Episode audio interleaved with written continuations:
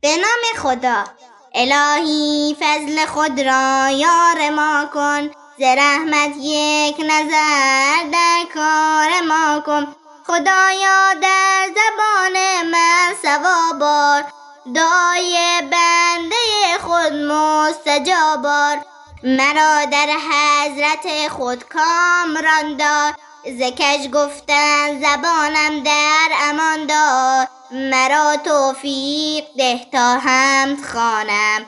صفات ذات تو بر لفظ رانم.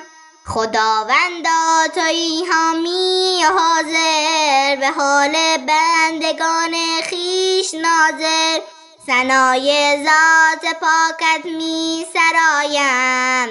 زبان در شرح ذکرت می گشایم اله جز ما کس را نخواهیم از آن رو در پناهت می پناهیم